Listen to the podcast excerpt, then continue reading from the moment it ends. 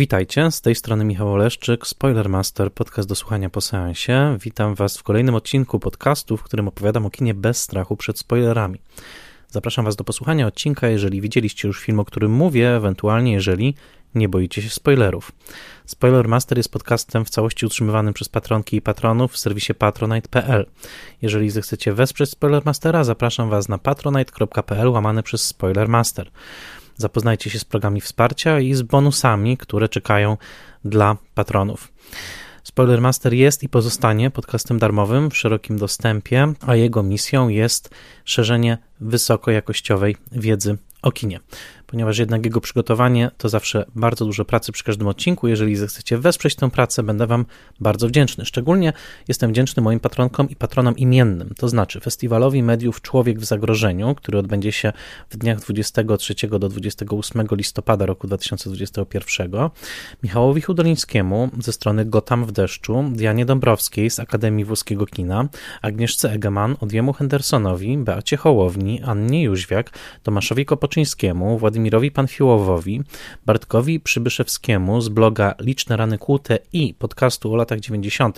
Podcastex, Mateuszowi Stępniowi, Jerzemu Zawadzkiemu i Tomaszowi Mączce, autorom podcastu Let's Make Movies, prezentującego ciekawe analizy filmowe, blogowi Przygody Scenarzysty, prezentującego analizy scenariuszowe i portalowi Outfilm, oferującemu szeroki wybór filmów o tematyce LGBT+.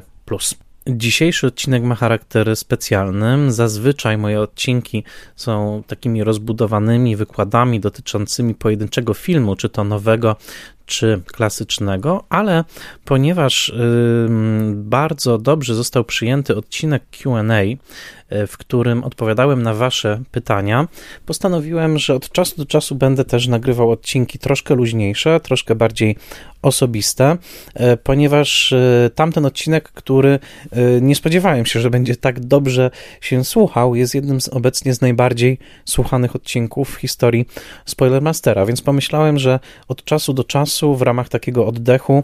E, także odcinek, w którym opowiem Wam trochę więcej o sobie, o, swoim, o swojej miłości do kina i o różnych mm, takich może trochę mniej e, poważnych tematach e, będzie e, dla Was interesujący. Dzisiejszy odcinek e, postanowiłem poświęcić bardziej rozbudowanej mm, odpowiedzi na pytanie, które padło w tym QA. Zapraszam do tamtego odcinka QA, mianowicie o seanse filmowe, które zapamiętałem. Oczywiście wtedy nie mogłem powiedzieć, że wszystkich, tym bardziej, że tych seansów no, było dosłownie tysiące w moim życiu, więc postanowiłem troszkę głębiej zastanowić się nad tym tematem i e, podzielić się z Wami taką historią moich ukochanych seansów filmowych. Nie ukochanych filmów, bo to nawet nie jest kwestia tego, czy dany film był dobry, czy nie, ale chociaż zapewne najbardziej zapamiętujemy te seanse filmów dobrych. Ale mm, przede wszystkim chciałbym w dzisiejszym odcinku mm, opowiedzieć Wam o tych sytuacjach seansu filmowego. Jednak e, w roku pandemii, właściwie w kolejnym już roku pandemii, tak bardzo zanurzyliśmy się w naszych norkach, domach, mieszkaniach i tak bardzo przerzuciliśmy się na oglądanie online, że gdzieś tam jest taka we mnie obawa, czy dorastający dzisiaj młodzi kinomani e, docenią i czy w ogóle wytworzą taką mistykę seansu filmowego, która w moim pokoleniu, jestem urodzony w 82 roku, a zatem jestem de facto milenialsem, wciąż była bardzo silna. Mam wrażenie, że ta mistyka seansu filmowego niknie. Mam wrażenie, że ona będzie całkowicie się przebudowywała, między innymi ze względu na bazę techniczną, ze względu na to, że obcujemy z obrazem cyfrowym coraz to częściej, w zasadzie obecnie wyłącznie już z obrazem e, rzucanym na ekran metodą cyfrową, ponieważ e, seansów z taśmy filmowej możemy policzyć dosłownie na palcach pa, paru rąk w roku, jakie są dostępne, z wyjątkiem wyspecjalizowanych e, kin, takich jak chociażby w Polsce Iluzjon Filmoteki Narodowej. A zatem e, mam wrażenie, że w XXI wieku, w, tym, w tej trzeciej dekadzie, w jaką właśnie weszliśmy, e, ta mistyka będzie coraz to, coraz to mniejsza. Ona będzie zapewne mm, spotykała się z takim losem trochę jak płyty winylowe, to znaczy będzie to coś dla wyspecjalizowanej publiczności, e, fetyszyzującej nośnik, fetyszyzującej właśnie sytuację, ale dla młodych pokoleń to już może być coś zupełnie muzealnego. Będzie to sytuacją obcowania z jakąś zamierzchłą technologią. Kto wie. Natomiast dzisiaj chciałbym Wam powiedzieć o swojej przygodzie z kinem. Ja w momencie nagrywania podcastu mam 39 lat. Zbliżam się do jakiegoś takiego progu ważnego w życiu, właśnie tych, tych czterech dekad.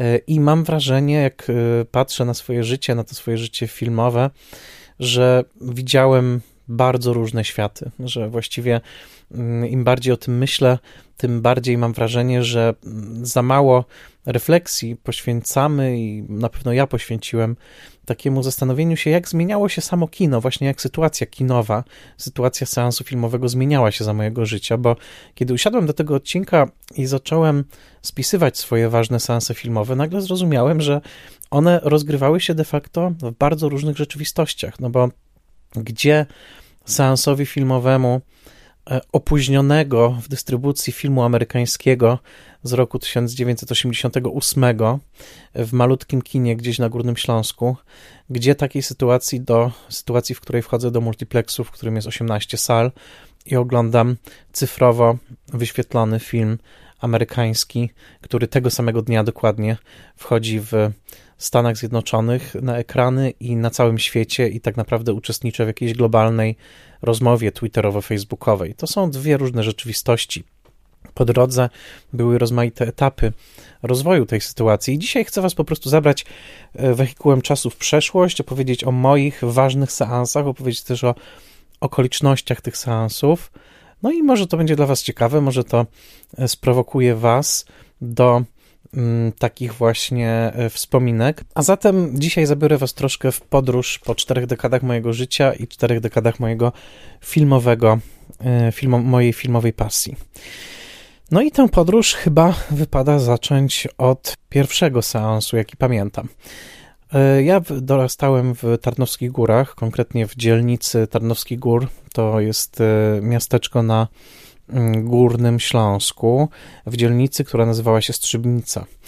Przyszedłem na świat, co prawda, w Tarnowskich Górach Właściwych i pierwsze, zupełnie pierwsze lata życia spędziłem przy ulicy Korczaka, właśnie w tych, tychże Tarnowskich Górach, ale później w roku 85, jako trzylatek, e, przyniosłem się z rodziną do Strzybnicy, czyli do naprawdę niewielkiej miejscowości, no połączonej administracyjnie z Tarnowskimi Górami. Strzybnica wówczas miała swoje kino. Co ciekawe, obecnie jest tam Biedronka, to była część Domu Kultury, e, który znajdował się przy ulicy Kościelnej, właściwie na rogu ulicy, e, ulicy Kościelnej. E, tam były seanse filmowe, ale to nie tam doświadczyłem swojego pierwszego seansu, bo jednak moja młodość filmowa jest ściśle związana z kinem Europa. Kinem Europa, które mieściło się przy placu Żwirki i Wigury w Tarnowskich Górach. E, to kino było moim kinem dzieciństwa. W momencie, kiedy ja dorastałem, jeszcze późne lata 80., wczesne 90., w Tarnowskich Górach były dwa kina. E, kino właśnie, kino Europa i kino Światowid. E, przy czym filmy bywały także pokazywane w tak zwanym Domu Kolejarza, obecnie w Tarnogórskim Centrum Kultury, w którym mieści się także DKF Olbrzym. E, pamiętam, że pierwszy seans to był film, którego tytułu już sobie nie przypomnę. E, to był na pewno film disneyowski, z którego pamiętam pojedyncze obrazy. Pamiętam jakiś wielki gotujący się kocioł i wydaje mi się, że mogła to być Królewna Śnieżka i Siedmiu Krasnoludków z tym przedwojennym polskim dubbingiem, ale nie daje za to, nie daje za to głowy. Pamiętam tylko dosłownie takie pojedyncze kolory, obrazy, ale pamiętam, że był to film animowany. E, drugim takim, drugim pierwszym seansem, takim naprawdę wczesnym, kiedy jeszcze nic nie rozumiałem z tego, co oglądałem na ekranie, to był film Romana Polańskiego pod tytułem Piraci. E, połowa lat 80. i pamiętam, że mój ojciec zabrał mnie na ten film, bodajże z bratem, i pamiętam, że przepłakałem cały seans, ponieważ chciałem wyjść. Tak mnie nudził ten film, zupełnie nie wiedziałem o co w nim chodzi. Pamiętam tylko, że długie sceny na tratwie jakoś tam przykuły moją uwagę, ale ogólnie chciałem wyjść, natomiast mój brat chciał zostać i tak cały seans po prostu przecierpiałem.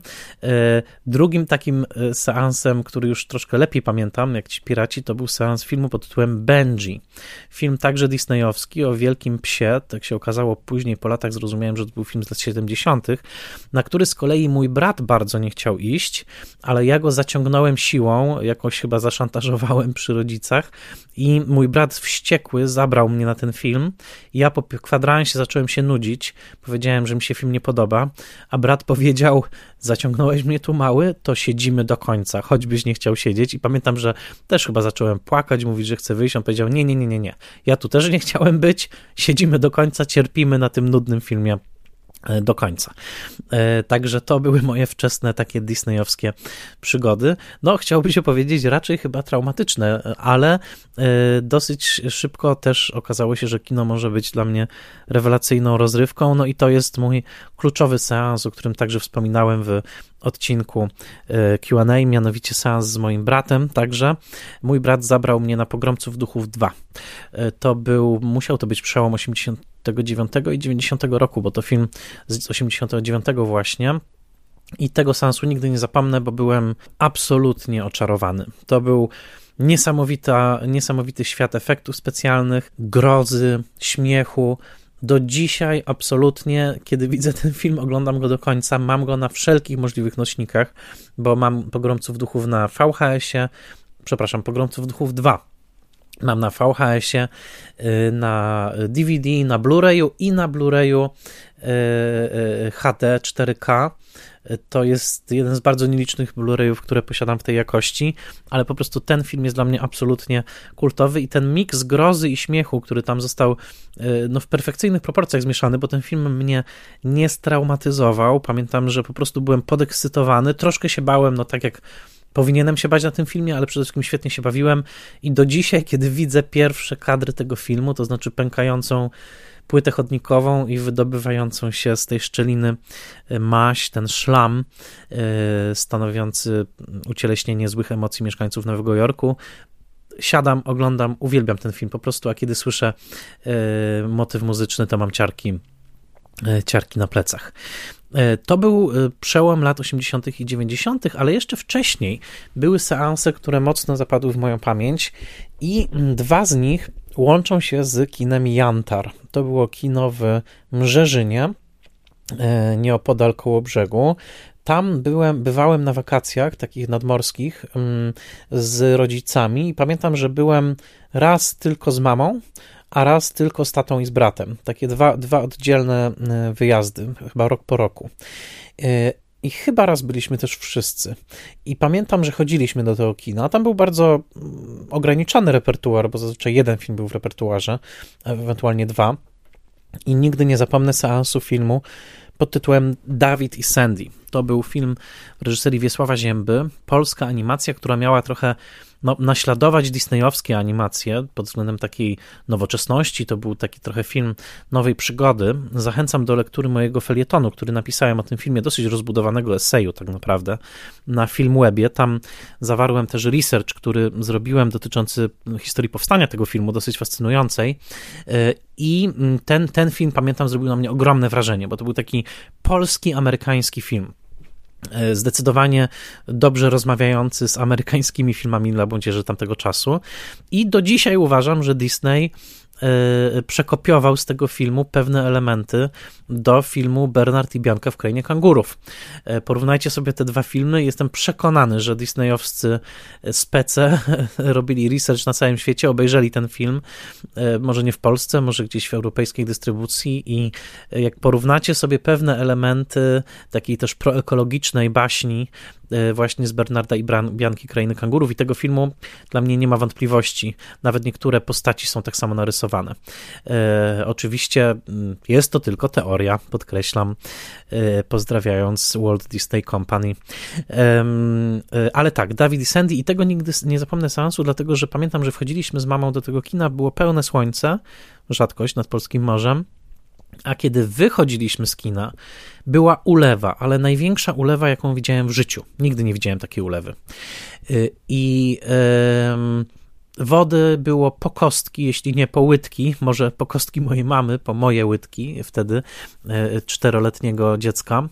E, I pamiętam, że szliśmy do ośrodka wczasowego Alga, do dzisiaj istniejącego, po prostu brodząc w wodzie. Szliśmy długo, idąc, zdjęliśmy buty, szliśmy na bosaka i to była jakaś taka wielka frajda, właśnie, no tak jakbyśmy prawie szli w morzu, wracając z tego, z tego filmu i do dzisiaj ten seans bardzo pamiętam. I w tym samym kinie, chyba troszkę później, ta chronologia jest już dla mnie niemożliwa do odtworzenia, już z całą rodziną, też w Brzeżynie, obejrzeliśmy film pod tytułem Krokodyl Dandy.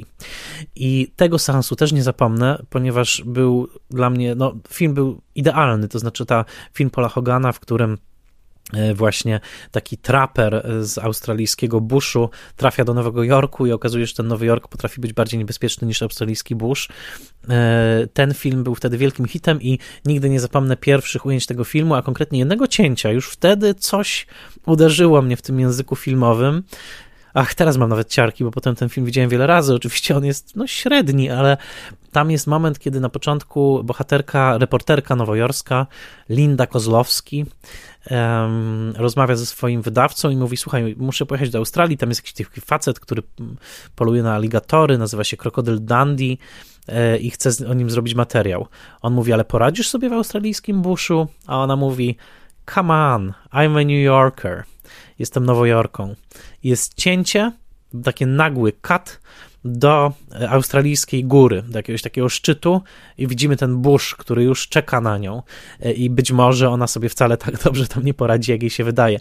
Ale to cięcie troszkę podobne do takich słynnych cięć, chociażby jak e, cięcie od zapałki do pustyni e, w Lorencie z Arabii, już wtedy wywoływało we mnie ciarki. Pamiętam to bardzo dobrze, kiedy ona mówi właśnie I'm a New Yorker i nagle widzimy ten burz, który na nią czeka i tam czeka jakaś wielka przygoda. To pamiętam do dzisiaj. Była pełna sala, wszyscy się zaśmiewali. No film dał wszystkim ogromną, ogromną radość i ten film właśnie oglądałem w kinie Jantar w mm, Mrzeżynie.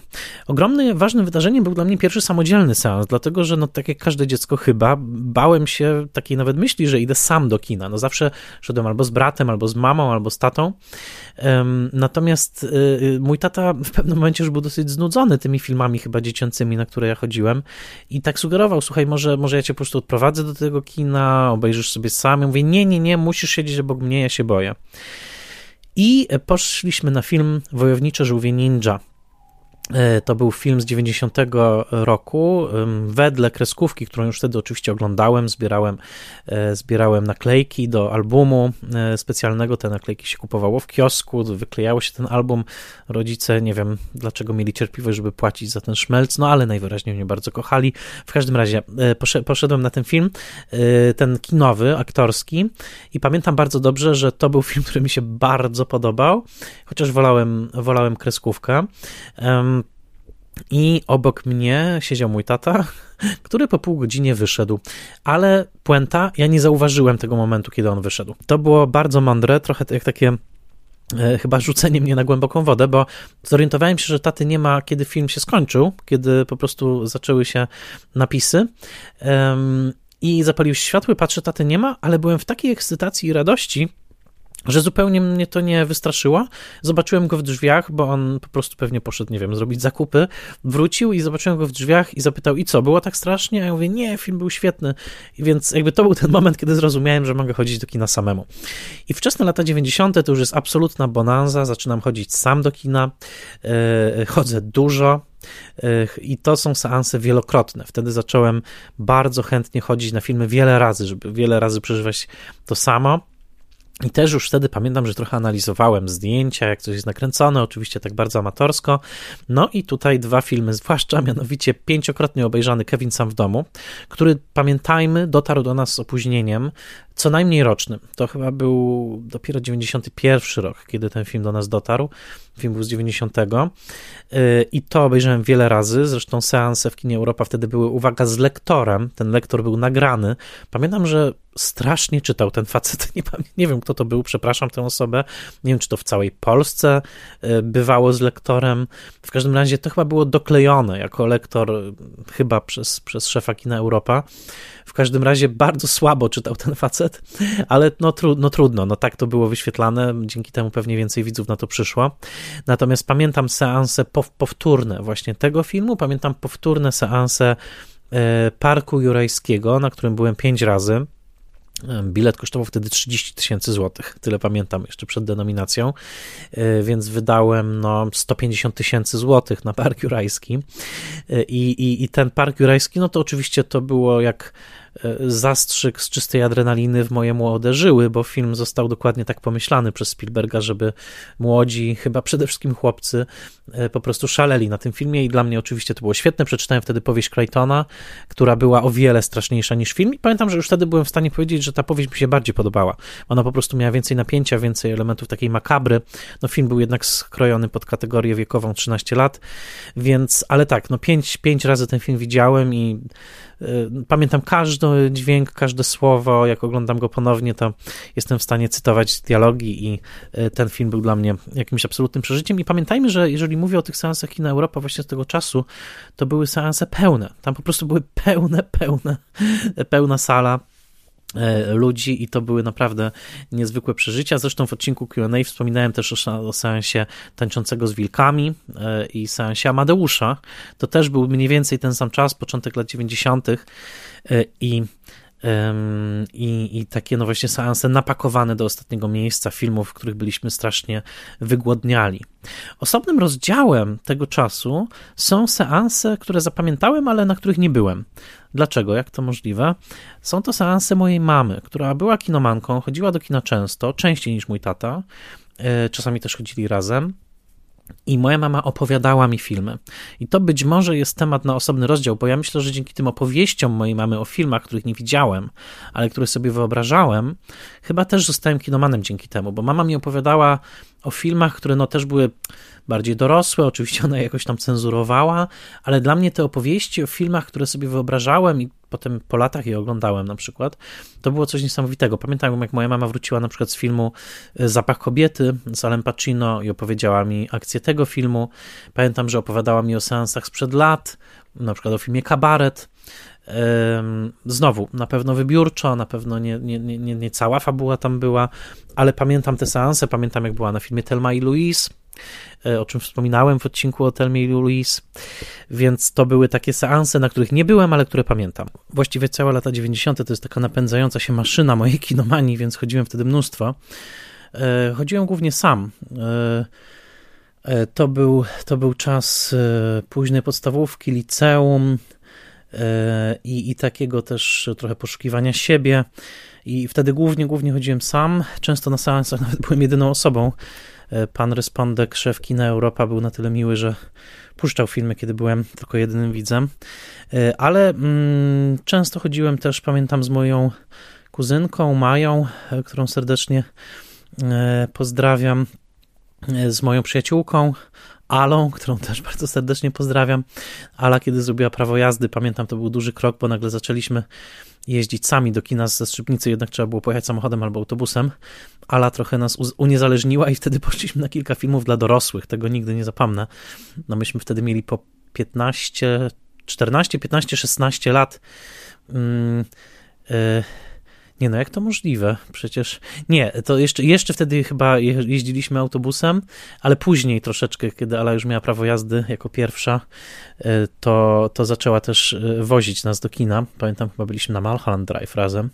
W każdym razie na pewno takim seansem dla dorosłych było Boogie Nights, dosyć szokujący obyczajowo film. Lolita, też byliśmy, Adriana Lajna i to były takie, no w ogóle zastanawialiśmy się, czy nas wpuszczą, ale nas wpuścili, więc te seanse z Alą, moją przyjaciółką serdeczną, E, e, bardzo, bardzo też dobrze, dobrze wspominam. E, I pamiętam też, że wtedy to był czas, kiedy niektóre ulubione swoje filmy nagrywałem na taśmę magnetofonową. Wnosiłem rekorder, taki Walkman z funkcją nagrywania i nagrywałem całą ścieżkę dźwiękową oczywiście w tajemnicy, w poczuciu, że mnie złapią. Potem słuchałem tych dialogów po prostu przez, przez lata całe z kaset, przede wszystkim z filmu Skazani na Shawshank. I dlatego do dzisiaj pamiętam bardzo wiele dialogów z tego filmu, ponieważ one mi się wryły w umysł, słuchałem ich tyle razy z tej, z tej kasety, no ale to był taki czas, no po prostu zupełnie, zupełnie inny świat, tak jak wspomniałem, świat analogowy i żeby uszczknąć kawałeczek tego filmu, to po prostu nagrywałem go właśnie na na, na kasecie. Ogromnym przełomem było dla mnie, kiedy e, jeszcze bardziej e, się uniezależniłem i zacząłem jeździć do Katowic, które jednak były bardziej odległe. Autobus 820, obecnie już zlikwidowana linia, chyba się nazywa teraz M1, którą no godzinę trzeba było jechać z Tarnowskich Gór do Katowic. Tam było kino Światowit, no i moja wyprawa do kina Światowit, zainicjowana wspólną wyprawą z moją kuzynką i chyba właśnie z Alą, na film Przejrzeć Harego Woody'ego Allena, to był absolutnie moment przełomowy, bo ja wtedy nauczyłem się do tych Katowic sam jeździć i właściwie prawie każdy weekend spędzałem e, w kinie Światowit, po prostu jeżdżąc, a to był dobry czas dystrybutorów e, kina arthouse'owego. Pamiętam filmy gutkowe, pamiętam filmy wprowadzane przez firmę Solopan i, i to był dla mnie naprawdę, naprawdę taki niezwykły czas bo po prostu co weekend jeździłem albo do kina Światowit, potem też nauczyłem się jeździć po całym właściwie regionie. Jeździłem do kina mm, Gloria w Bytomiu najrzadziej, do kina Bajka e, w Gliwicach, do kina Panorama w Chorzowie. Byłem też w kinie Zorza w Katowicach. No po prostu lista kin, które w zasadzie już no nie, prawie wszystkie nie istnieją. Oczywiście Światowit ma się dobrze. Mm, I, I tam rzeczywiście chłonąłem wtedy w takim największym stadium kinomanii, absolutnie rozgrzanej. Chłonąłem kino i artystyczne, i bardziej popularne. E, Szeregowiec Ryan, Niezwykły Seans, e, mm, filmy von Trier'a, Idioci, to też był dla mnie bardzo transgresyjny, transgresyjny film, więc tego, mm, tego też nigdy Y, nigdy nie zapomnę i, i, też był przełomowy, ważny moment, bo rodzice bardzo mi pozwalali na jeżdżenie. Właściwie w ogóle nie pytali, na, na co ja jadę, po prostu jakoś tam mi ufali. Niesłusznie, he, he, he, he.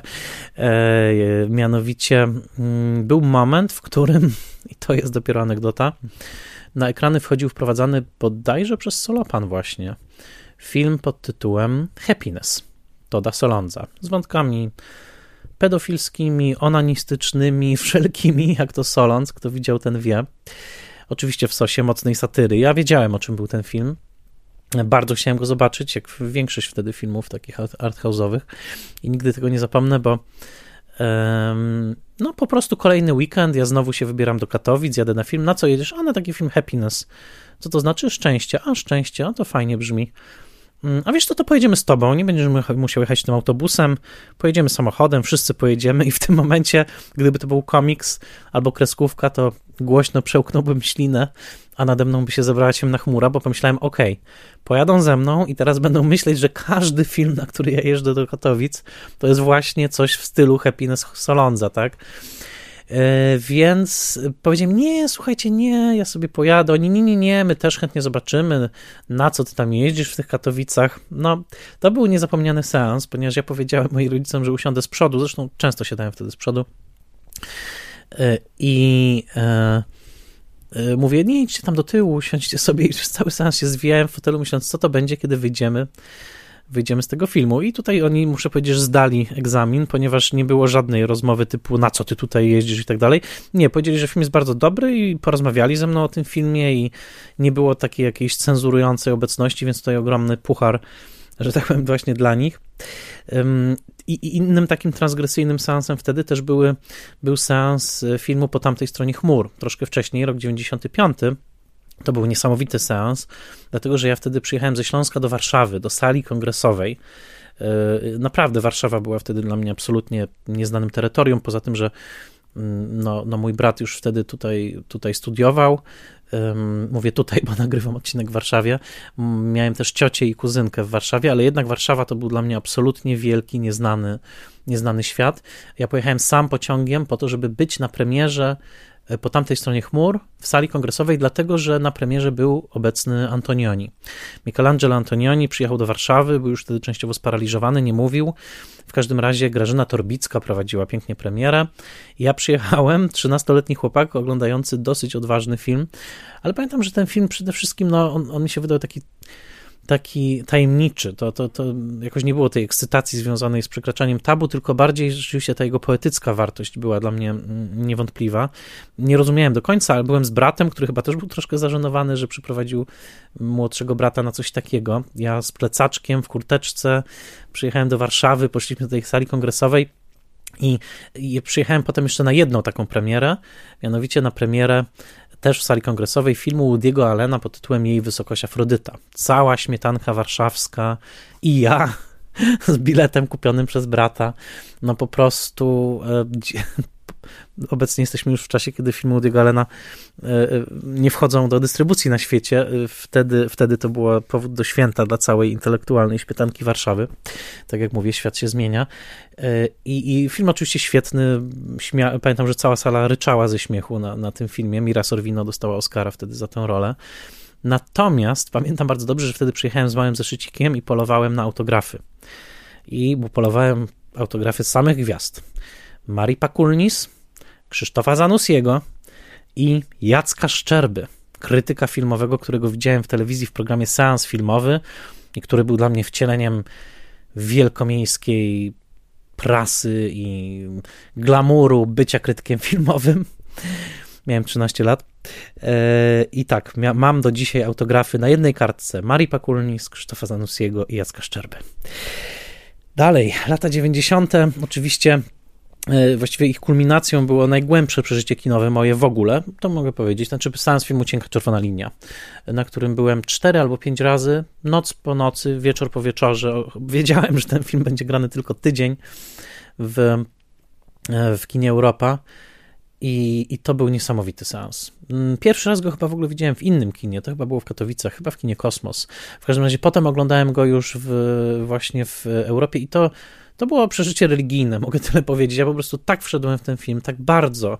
Ten jego taki metafizyczny ton, oczywiście muzyka Hansa Zimmera, no skończone arcydzieło, do dzisiaj uważam, że jest to jeden z najbardziej wyjątkowych filmów, jaki w ogóle powstał. Y, mam ciarki, kiedy o nim mówię, bo każdy dźwięk tego filmu znam, każdy obraz. I, I to było przeżycie takie graniczne. To znaczy, ja wtedy wiedziałem już, że film jest prawdziwą sztuką, że on mnie zmienia, że ja mam jakieś przemyślenia związane z tym i, i gdzieś tam to bardzo we mnie pracowało. To był 98 rok, właściwie już 99, kiedy ten film w marcu, kwietniu był na ekranach 22 lata temu. I, i, i noc po nocy, wieczór po wieczorze byłem na tej mszy, właśnie jaką było, była cienka czerwona, cienka czerwona linia. To był już czas powolnego odpływu widzów z kin. Tak jak jeszcze w 1989 roku e, mój tata musiał mnie fizycznie bronić, kiedy pchaliśmy się na seans Batmana, który był tak e, pełen ścisku, że prawie tam nie zginąłem i też był świetnym seansem. Tak, pamiętam wyraźnie, że 99 Matrix 2000-2001 to jest ten wyraźny odpływ widzów z kin zaczyna się wtedy już, no nie wiem, może era mocniej wideo, może telewizja, może większy wybór, może DVD. To wszystko wpływa na to, że tych widzów jest coraz, coraz mniej. Otwierają się multiplexy. W 2000 roku po raz pierwszy jadę do multiplexu w Zabrzu. To był film, albo w 2001, to był film Słodki Drań, Sweet and Low Down e, Woody'ego Allena. I teraz dowcip, a właściwie prawda, która po latach wygląda na dowcip. Nigdy nie zapomnę tego seansu w multikinie w Zabrzu, ponieważ ja tak wielkiego kina w życiu nie widziałem. Pamiętam, wyszliśmy na parkingu i zobaczyłem tą wielką gwiazdę multikina. Wow, to była Ameryka, to była jakaś gigantyczna skala. Ja zobaczyłem ekran, ekran multikina wtedy, on był tak duży, że ja nie wiedziałem, gdzie patrzeć. Ja byłem oszołomiony, wręcz powiedziałem wtedy, nie, ja tu nie chcę, bo to jest za duży ekran. Obecnie multikino w Zabrzu no to jest po prostu zwyczajny multiplex, jakich wiele i rozmiary są, wydają się małe.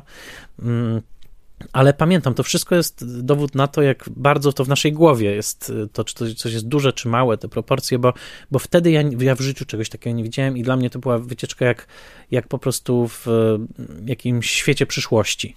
No i wtedy zaczęła się era już multiplexowa, też dużo jeździłem głównie właśnie do multikina, multikina w Zabrzu, zacząłem studiować filmoznawstwo, wczesne lata 2000, ja studiowałem w latach 2001-2006, czy pięć, jakoś tak.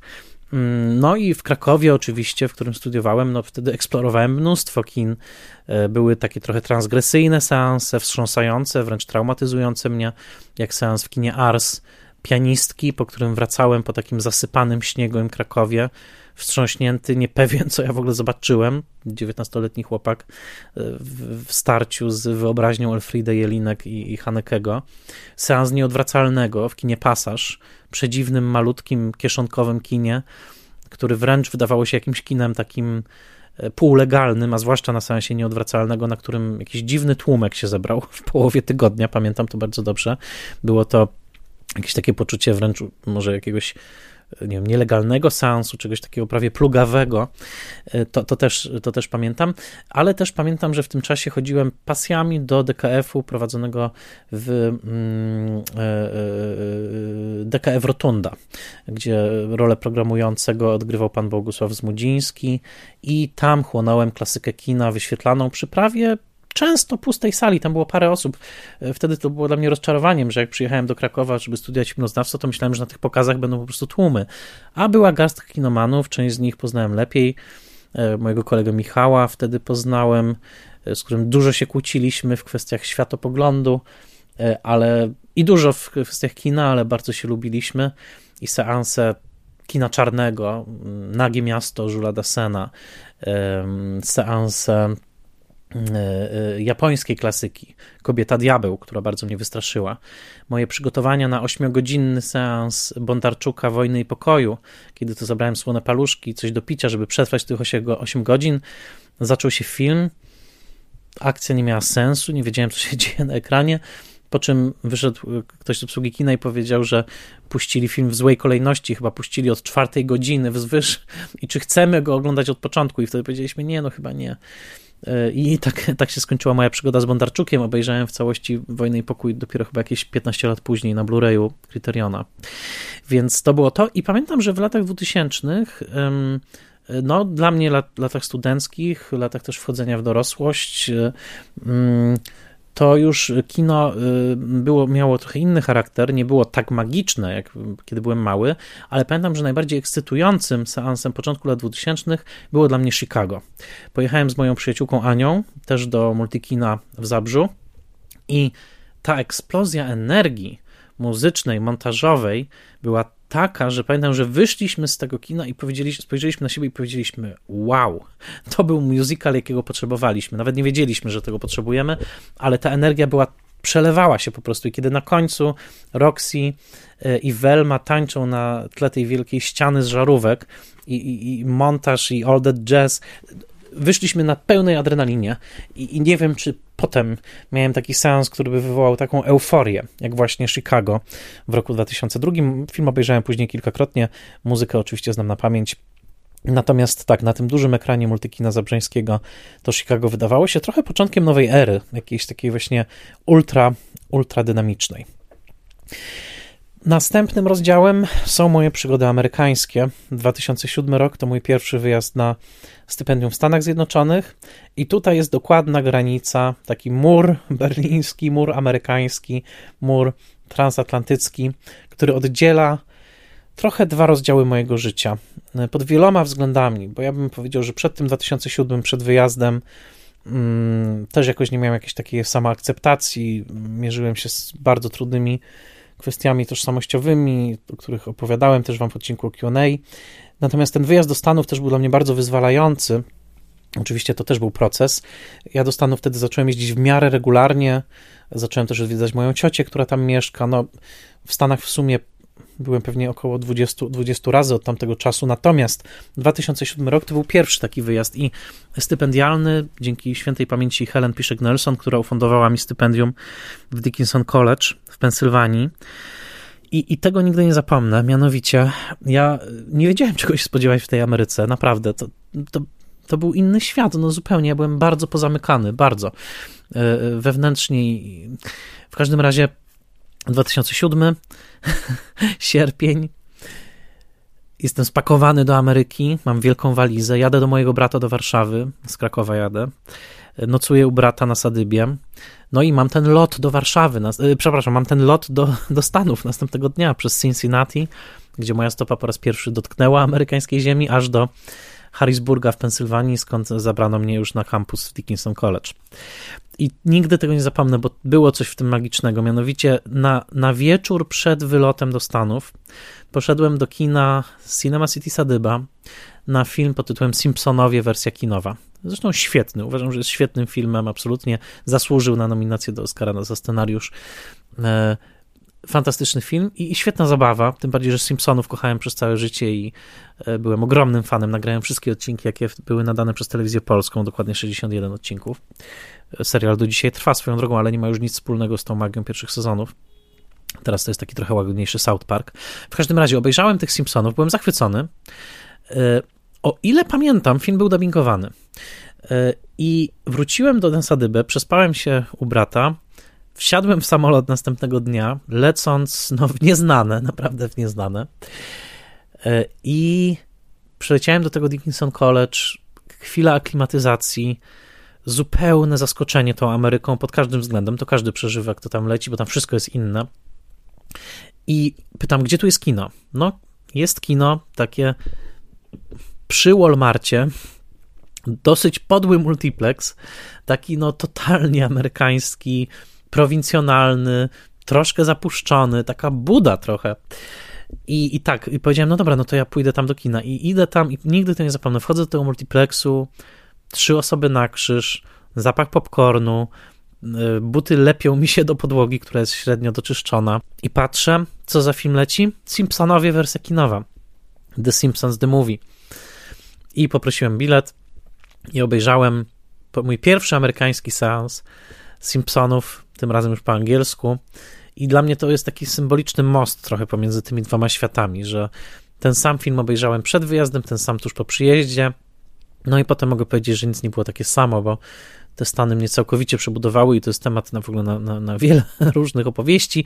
Natomiast tak, ten seans właśnie w, w małej miejscowości e, w Pensylwanii, właśnie na Dickinson College, Carlisle, Pensylwania, e, Simpsonowie z popcornem lejącym się od masła, bo pani poprosiła mnie, do you want any butter on it? Ja mówię, ja. Yeah. Nie wiedziałem, że butter to jest po prostu pół litra masła sztucznego wylanego na popcorn, ale tak, nigdy wcześniej i nigdy później popcorn nie smakował tak dobrze. I tego samego roku, 2007, mianowicie zobaczyłem po raz pierwszy Nowy Jork, bo moja ciocia, kiedy już skończyłem stypendium w Pensylwanii, zaprosiła mnie do siebie. Dzisiaj ironicznie, ironia losu była taka, że ja nie byłem pewien, czy ja chcę tam jechać, bo myślałem, no daleko, może tą ciocię kiedyś indziej odwiedzę, ja jej wtedy jeszcze nie znałem, nigdy jej nie widziałem w życiu. E, wiedziałem tylko, że ona tam jest, na Brooklynie. I w końcu pomyślałem, no dobrze, no dobrze, pojadę tam. Nowy Jork oczywiście mnie absolutnie zmiotł, zachwycił. Mm, gościnność mojej cioci była niesamowita, a jednocześnie miasto dosłownie mnie zmieniło. To ja bym nie był całym człowiekiem, gdyby nie potem moje, moje liczne nowojorskie mm, wyprawy. W każdym razie tego nigdy nie zapomnę, bo wcześniej przez całe miesiące walczyłem o to, starałem się małymi kroczkami milimetrowymi żeby mój anglojęzyczny wywiad z Christianem Mungiu, wywiad zrobiłem po, po, po angielsku oczywiście, ale dla mm, pisma Kino, mm, na horyzontach we Wrocławiu. To było po czterech y, miesiącach, trzech tygodniach, dwóch dniach. Y, żeby spróbować opublikować go w Sight and Soundzie, czyli w brytyjskim piśmie filmowym. I to była nieprawdopodobna, trudna operacja, bo naprawdę wtedy te szlaki nie były dla mnie przetarte. Ja byłem po prostu no, kimś z Polski, kto nigdy nie miał publikacji po angielsku i kroczek po kroczku dotarłem do redaktora i on powiedział, tak, bierzemy, świetny wywiad. Dla mnie to było trzęsienie ziemi, że, że w ogóle mm, Silent Sound wziął mój wywiad, to jeszcze było przed moją współpracą z Rogerem i Bertem, to też temat na osobny odcinek. W każdym razie oni to wzięli i to był właśnie listopad, październik, listopad 2007. I ja wiedziałem, że to będzie w numerze grudniowym, ten wywiad dla mnie krok siedmiomilowy naprzód, a może nawet świetlny. E, I nigdy nie zapomnę, bo to chyba najszczęśliwszy moment mojego zawodowego życia, kiedy e, razem z ciocią w Nowym Jorku, ciocia zabrała mnie na Times Square, e, poszliśmy na film pod tytułem Zaczarowana, Enchanted, z Amy Adams, ten disneyowski, z księżniczką, która wychodzi z kreskówki do prawdziwego życia, z numerami muzycznymi w Central Parku. I nigdy tego nie zapomnę, dlatego, że poszliśmy na Times Square, zobaczyłem po raz pierwszy Times Square, tam ferie świateł, to szaleństwo, która przy następnych wizytach w Nowym Jorku już mnie będzie męczyć i będę omijał Times Square, ale wtedy to było niesamowite. Mm, I poszliśmy do malutkiego kiosku, gdzieś tam przy, przy tym dużym McDonaldzie, i tam był ten numer Silent Sounda. I pamiętam, że kupiłem ten numer Silent Sounda, zobaczyłem tam ten wywiad, który przeprowadziłem. Jestem na Times Square w Nowym Jorku, wszystko jest możliwe, świat jest połączony. Yy, I poszliśmy na Enchanted, gdzie dokładnie księżniczka Amy Adams wychodzi z włazu kanalizacyjnego na Times Square.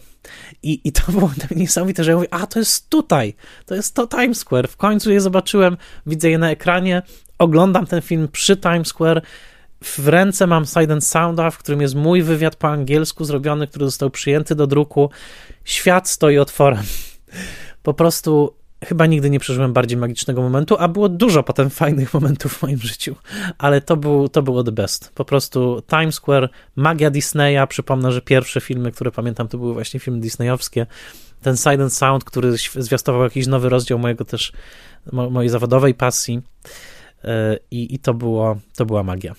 Późniejsze lata to liczne wycieczki do Nowego Jorku, e, wycieczki, no, stypendium, potem oszczędzanie na kolejny bilet, e, pomieszkiwanie, czy to u znajomych, czy u cioci, to, to nigdy nie były jakieś luksusowe wojaże, ale, ale były to naprawdę przygody mm, i tam było dużo seansów, które pamiętałem, zapamiętałem, między innymi z taśmy 70 mm pokaz filmu Pierwszy krok w kosmos, The Right Stuff, nigdy nie zapomnę, bo ten film trzeba oglądać na dużym ekranie, a nigdy nie miałem szansy.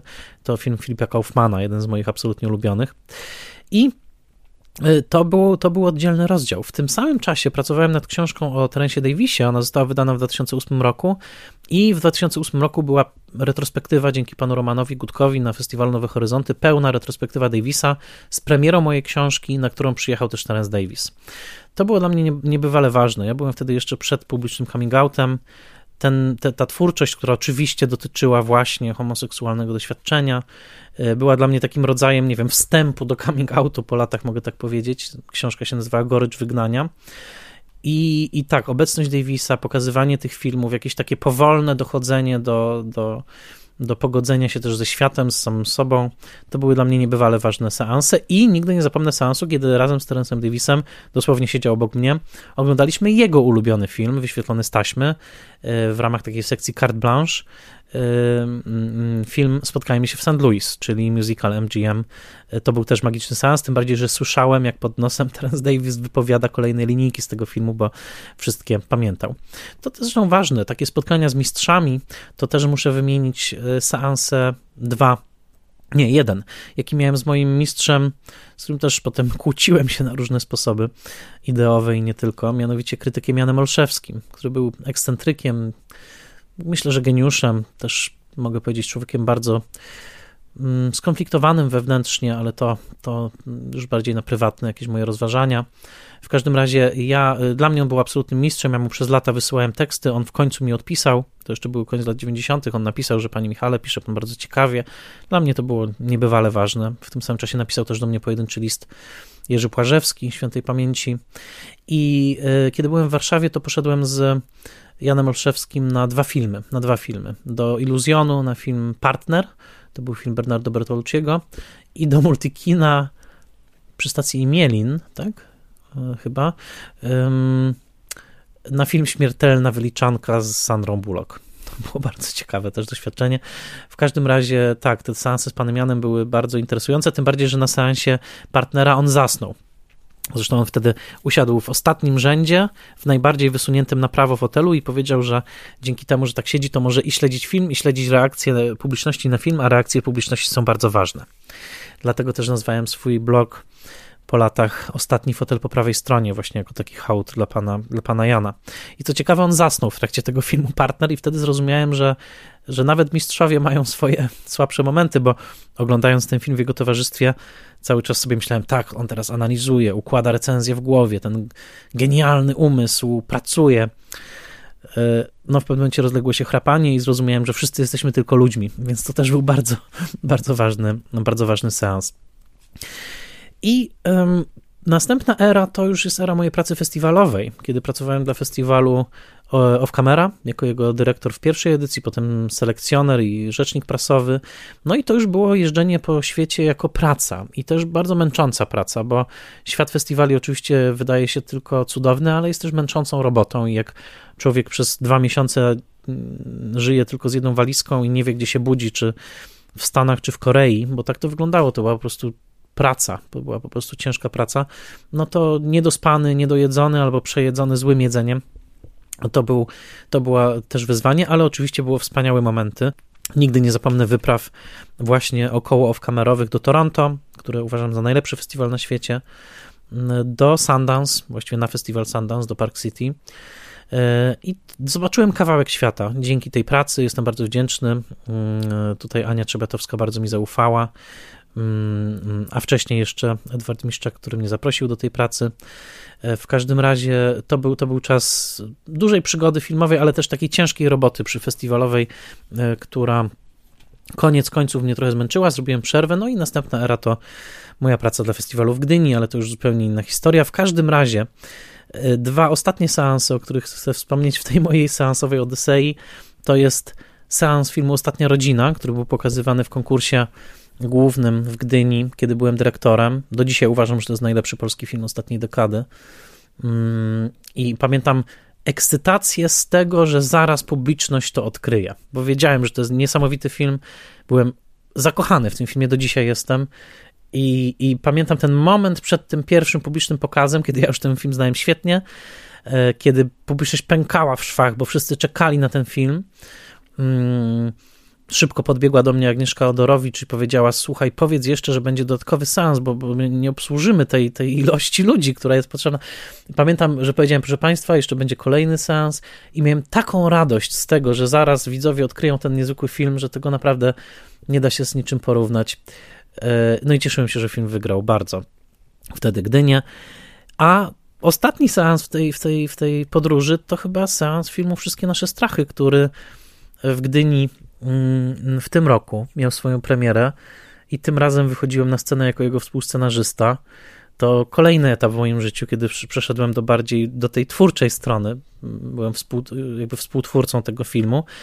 No i ten moment, chyba ten moment, kiedy ten film, przy którym każdy z nas, wszyscy współscenarzyści, Łukasz Ronduda, Kasia Sarnowska e, i, i wszyscy twórcy, tak, reżyserzy, czyli Łukasz e, Ronduda, Łukasz Gut, wszyscy wyszliśmy na scenę i prezentowaliśmy film, w którym każdy z nas zostawił kawałek swojego życia, kawałek swojego serca, to to chyba na ten moment jest ostatni taki dla mnie ważny seans, kiedy, kiedy te role się odwróciły, kiedy już nie pracuję dla festiwalu, kiedy, kiedy coraz to mm, odważniej przechodzę na, na stronę właśnie troszkę może opowiadania historii, zobaczymy jak to się potoczy. W każdym razie tak, stanięcie na tej scenie i powiedzenie to jest film, do którego dołożyłem swoją cegiełkę, było jak do tej pory ostatnim takim dla mnie bardzo bardzo ważnym seansem e, i świadomość, że, że na sali były osoby bardzo mi bliskie, które przyjechały specjalnie na ten seans, mm, czasem z bliska, czasem z daleka, czasem z bardzo daleka. Mm, to było dla mnie jakieś absolutnie niesamowicie ważne doświadczenia. Więc chyba tutaj skończę tę Odyseję. Bardzo epizodyczny odcinek, ale mm, no, z serca opowiedziany, bo takie, takie właśnie były moje liczne filmowe przygody. Jeżeli mm, ktoś z Was pamięta jakieś, jakieś seanse, które dla Was są ważne, to możecie to opisać, możecie przysłać mi nagranie audio, może, może tych nagrań audio się trochę zbierze. Spoilermasterpodcast małpa gmail.com i może nawet uda się zmontować specjalny odcinek, kto wie. Jeżeli macie takie opowieści, to podsyłajcie mi je, czy to w formie pisanej, czy w formie nagranej. E, celebrujmy kino, ono jest bardzo ważne i te wyprawy do kina samemu z kimś, często z bardzo bliską osobą, mm, one zostają w nas. Ja zawsze pamiętam, w jakich okolicznościach pamiętałem film, w jakich okolicznościach oglądałem film, nawet jeśli samego filmu mogę troszkę zapomnieć. Także bardzo Wam dziękuję za ten seans wspomnień. Dla mnie to też była okazja przypomnienia sobie bardzo wielu zdarzeń. Także mam nadzieję, że ten odcinek był dla Was ciekawy. Czekam na Wasze wspomnienia kinowe, seansów kinowych, które były dla Was ważne. I zapraszam na mojego Patronite'a, patronite.pl łamane przez Spoilermaster. I zapraszam do kolejnych odcinków, bo kolejny Spoilermaster już za tydzień.